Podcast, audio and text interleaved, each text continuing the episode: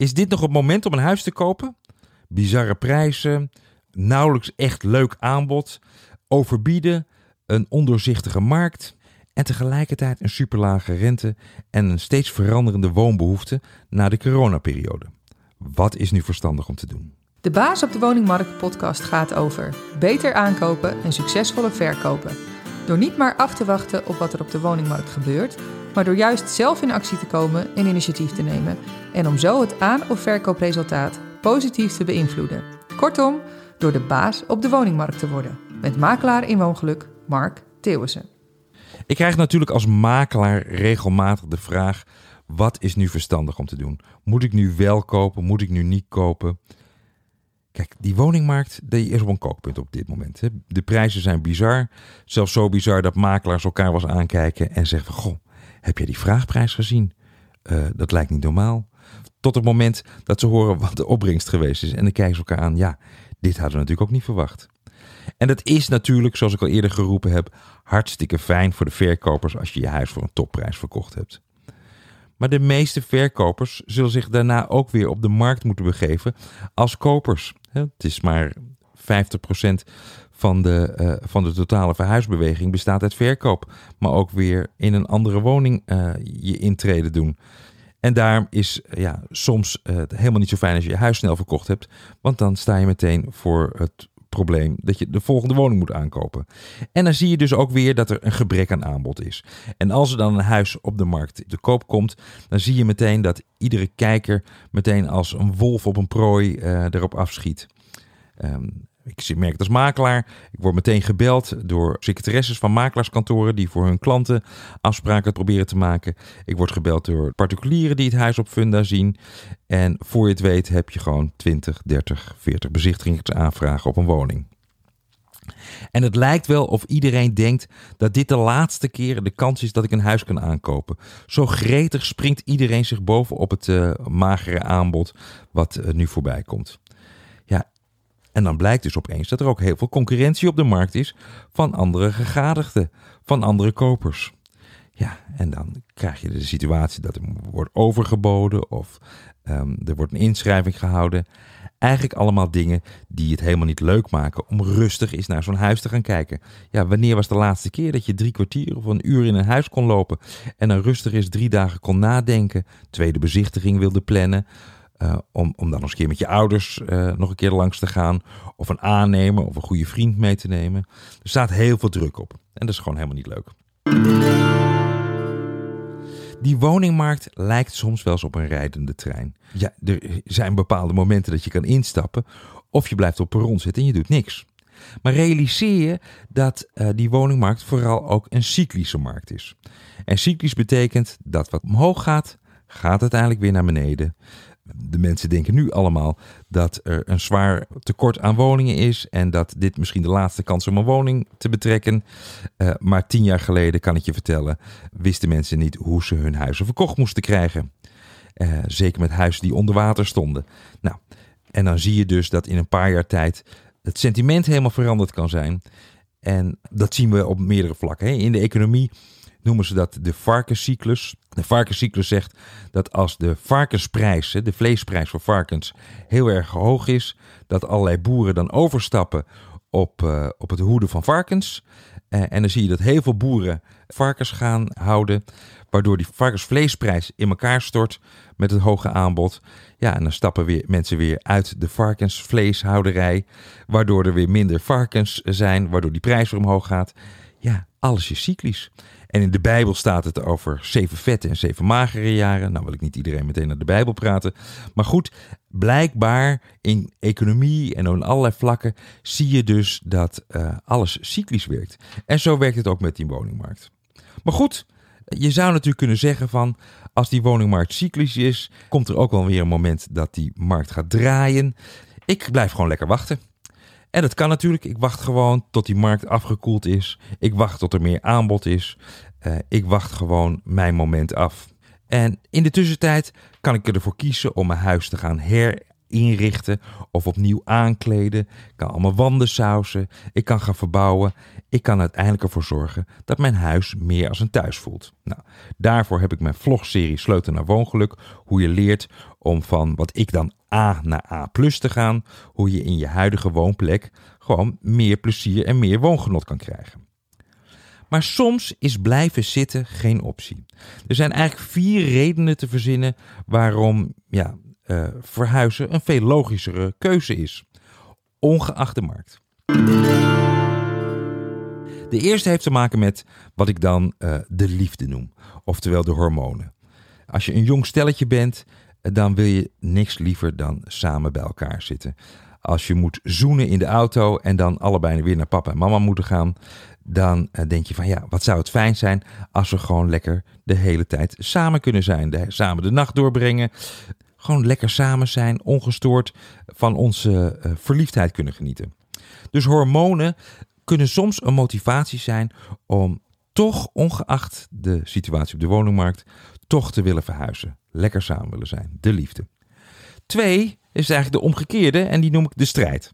Het kan natuurlijk zijn dat je uiteindelijk samen een huis gekocht hebt, maar dat je toch wat minder gek op elkaar geworden bent en uiteindelijk besluit om uit elkaar te gaan. Nou, dan is verhuizen toch wel een logische optie. In ieder geval de verkoop van, uh, van je huis. Dat betekent ofwel de een koopt de ander uit en de vertrekkende persoon moet zich toch weer op de woningmarkt begeven om een nieuwe plek te vinden. Of hij gaat huren, dat kan natuurlijk ook. Ofwel je besluit om beide je huis te verkopen en allebei weer nieuw op die woningmarkt te gaan. Dat is reden 2 om alsnog voor te kiezen om niet te blijven zitten waar je woont. De derde is natuurlijk dat je fysiek ook uit je huis kan groeien. En fysiek uit je huis groeien moet je voorstellen, je hebt een appartement van 60, 65 vierkante meter en je vriendin die is plotseling zwanger geworden van een tweeling. Nou, dan ben je uiteindelijk ja, loop je tegen de grenzen van je eigen huis aan. Dan, als je maar twee slaapkamers hebt, dan wordt het lastig om daar uh, met z'n vieren te wonen. Het kan natuurlijk wel, maar ik denk dat de fysieke behoefte aan meer ruimte het vaak dan wint van de gek op de woningmarkt en denk van ja, we moeten wel. En wat we natuurlijk ook recent gezien hebben, is dat mensen ook steeds meer behoefte aan tuinen kregen. Zeker door de coronaperiode wilden mensen vaker naar buiten. En er was er dus ook fysieke ja, ruimtetekort kwamen ze in de buitenruimte. En dan zie je dus dat fysiek uit je huidige woonplek groeien de derde reden is waarom blijven zitten dus geen optie is. En de vierde is eigenlijk als je je positie kan verbeteren in je baan of in je werk. Uh, ik noem dat eh, de vierde reden, is de inkomensreden.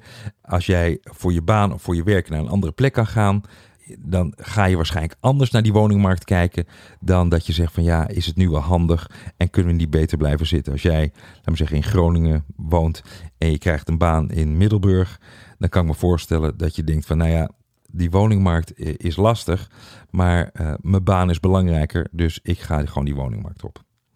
Dus met liefde, strijd, ruimtegebrek uh, en inkomensverbetering zouden er vier redenen kunnen zijn waardoor verhuizen een logische optie zou kunnen zijn. Maar ja, als je dat dan doet, dan moet je een aantal basisvoorwaarden in ogenschouw nemen. Als eerste moet je natuurlijk snappen wat ik net zei, dat alles cyclisch is. Hè? Alles uh, wat, wat opgaat, gaat weer naar beneden. En ja, wil je jezelf uh, beschermen tegen de cyclus, dan moet je zorgen dat je een visier hebt die langer gaat dan 5 tot 10 jaar. Dus als jij nu iets koopt en over een jaar besluit je iets anders te doen en die markt is net gedraaid of die markt stort net in elkaar, en dat kan natuurlijk, ja, dan heb je misschien een probleem. Want dan heb je een huis gekocht wat misschien dan onder water staat, waar je lastiger van af kan komen of alleen met verlies kan verkopen. Maar als jij een visier hebt van 5 tot 10 jaar eh, en je koopt een huis, nou ja, laat die markt eens een keertje in elkaar storten. Die trekt vanzelf weer bij, want dat blijkbaar iedere, nou laten we zeggen, 7 tot 10 jaar zie je dus een duidelijke beweging in die markt. Hè. Dat, zoals ik al zei, de varkenscyclus of de zeven vet en zeven magere jaren uit de Bijbel. En zo zul je wel zien dat in allerlei economieboekjes vaker allerlei cycli benoemd worden. Volgens mij een grotere cyclus, dat heet de contratiefcyclus. Maar snappen dat alles een cyclus is en dat je daarop in kan spelen door uh, ja, zelf een eigen visie te hebben die vijf tot tien jaar duurt. Want vijf tot tien jaar, als je daarover nadenkt, dan moet je in eerste denken van ik moet een huis hebben wat groot genoeg is. Dus niet alleen groot genoeg voor mijn leven vandaag, maar ook waar ik over vijf jaar uh, kan wonen. Dus heb je een kinderwens, speelt dat nu, maar je bent uh, nog met z'n tweetjes, uh, dan zou je kunnen zeggen, nou, ik moet in ieder geval een huis hebben waar ik straks eventueel een kinderkamer in kwijt kan. Dus een huis wat groot genoeg is om niet alleen je huidige levens, manier van leven in te vullen, maar ook je toekomstige manier. En ten tweede is het afsluiten van de rente ook voor een lange periode. Want als jij weet dat je de komende 10 jaar je rente makkelijk kan ophoesten, omdat je hem nu voor langere tijd vastgezet hebt, geef je dat zekerheid. Ja, en als die markt nou helemaal in elkaar stort, dan is verlies alleen een papieren verlies op het moment dat je helemaal niet van plan bent te gaan verhuizen. Want ik hoef niet te verhuizen, want ik kan mijn rente betalen. Mijn huis is groot genoeg. En laat ik gewoon lekker weer wachten tot ik zelf kan timen wanneer ik verkoop. Want de enige manieren dat je geld verliest, maar ook de enige manieren waarop je geld wint met de verkoop of de, van, van een huis, is als je daadwerkelijk die markt betreedt. Dus ook papieren winst, of ook winst op een huis, laat me zeggen, mijn huis is twee ton meer waard geworden, is pas interessant op het moment dat je je huis in de verkoop zet, verkocht krijgt en het geld van de notaris op je rekening gestort krijgt. Tot die tijd is het alleen maar papieren winst. En zo werkt het dus ook met verlies. Dus het zelf kunnen timen van wanneer je je huis op de markt zet, wanneer je verkoopt, is een belangrijke manier om ervoor te zorgen dat je geen geld verliest. Nou, er zijn eigenlijk twee situaties waarbij je gedwongen wordt om te verkopen, waarbij eigenlijk een ander bepaalt wanneer er, er verkocht moet worden, waarbij een ander invloed heeft op jouw vrijheid om dat te timen. Nou, het eerste is als je je baan verliest. dat is deels buiten je schuld, want dat kan te maken hebben met, met, met de economie. Maar ja, soms heb je daar wel invloed op. Je zou, het heeft misschien te maken met je inzet bij je werkgever. Of in hoeverre je ontwikkelt, zodat je meerdere opties hebt. Maar goed, als makelaar vind ik het daar lastig om je daarover te adviseren. Dat is misschien voor een andere podcast voor een andere ja, iemand om daar iets over te zeggen. Dus, maar goed, als je baan verliest, dan is de kans dat je je lasten niet kan betalen misschien net groter. En dan zal je, uh, ja, dan, dan word je gedwongen een keuze te maken die je misschien zelf niet gekozen hebben. Maar het tweede uh, reden waarom mensen gedwongen worden om hun huis te verkopen, is dus als ze uit elkaar gaan. En daarom zeg ik, als je wil voorkomen dat je uit elkaar gaat en dan je huis opeens moet verkopen op een tijdstip dat het misschien helemaal niet handig is om je huis te verkopen, omdat die waardes anders liggen, dan helpt het gewoon als je gewoon lief voor elkaar bent. Als je ervoor zorgt dat je relatie goed blijft. Als je ervoor zorgt dat je samen ja, door één deur kan gaan. Het is zo bloedzonde als je samen een huis koopt en na twee jaar besluit, besluit aan elkaar te gaan. Dat zijn meestal de momenten dat mensen in een slechte markt geld verliezen op hun huis. Dus, mijn conclusie is: nu kopen in de huidige markt is helemaal geen probleem. Zolang je maar een aantal dingen in de gaten houdt. Ten eerste, je moet weten waarom je doet. De goede redenen die ik zo zie, die zijn inderdaad van de liefde, als je graag bij elkaar wil zijn, strijd als je niet meer samen wil zijn, gebrek aan ruimte en je wil meer ruimte hebben, of je kan je inkomen verbeteren door te gaan verhuizen. Misschien dat jullie andere redenen hebben, dan hoor ik dat graag, want dat vind ik hartstikke leuk om te horen. Maar dat is eigenlijk de vier basale redenen die ik zie waarom het logisch zou zijn om ook in een slechte markt een volgende stap te nemen. En de tweede is, probeer jezelf altijd te beschermen. Zorg ten alle tijden dat jij de baas blijft over het moment waarop jij kan besluiten om later je huis alsnog weer in de verkoop te zetten. En dat er niet een ander dat voor je kan bepalen. Dus dat betekent zorg dat je een huis hebt wat op lange termijn ook betaalbaar blijft. Dus sluit je rente voor een lange termijn vast. Zorg dat je een huis hebt met voldoende ruimte voor je huidige en toekomstige manier van leven. Dus probeer een inschatting te maken, waar sta ik over vijf jaar? Bijvoorbeeld, ik ben uh, nu alleen, maar dat betekent helemaal niet dat je over drie jaar niet of vier jaar niet gewoon toch weer een partner hebt. Hou daar gewoon rekening mee. En als laatste, blijf werken aan een fijne relatie met de persoon met wie je het huis gekocht hebt of waar je mee samenwoont. En steek desnoods 250 euro per jaar in preventieve relatietherapie om ervoor te zorgen dat je het samen hartstikke fijn en leuk hebt. Want dan kunnen jullie samen bepalen wat het ideale moment is om de volgende stap te nemen. En waarschijnlijk dan als de markt een stuk aantrekkelijker is dan die misschien nu is als je nu nieuw als koper de markt op moet. En op deze manier blijf jij baas op de woningmarkt. Abonneer je op deze podcast en ik hoop jullie binnenkort weer te spreken met de volgende aflevering.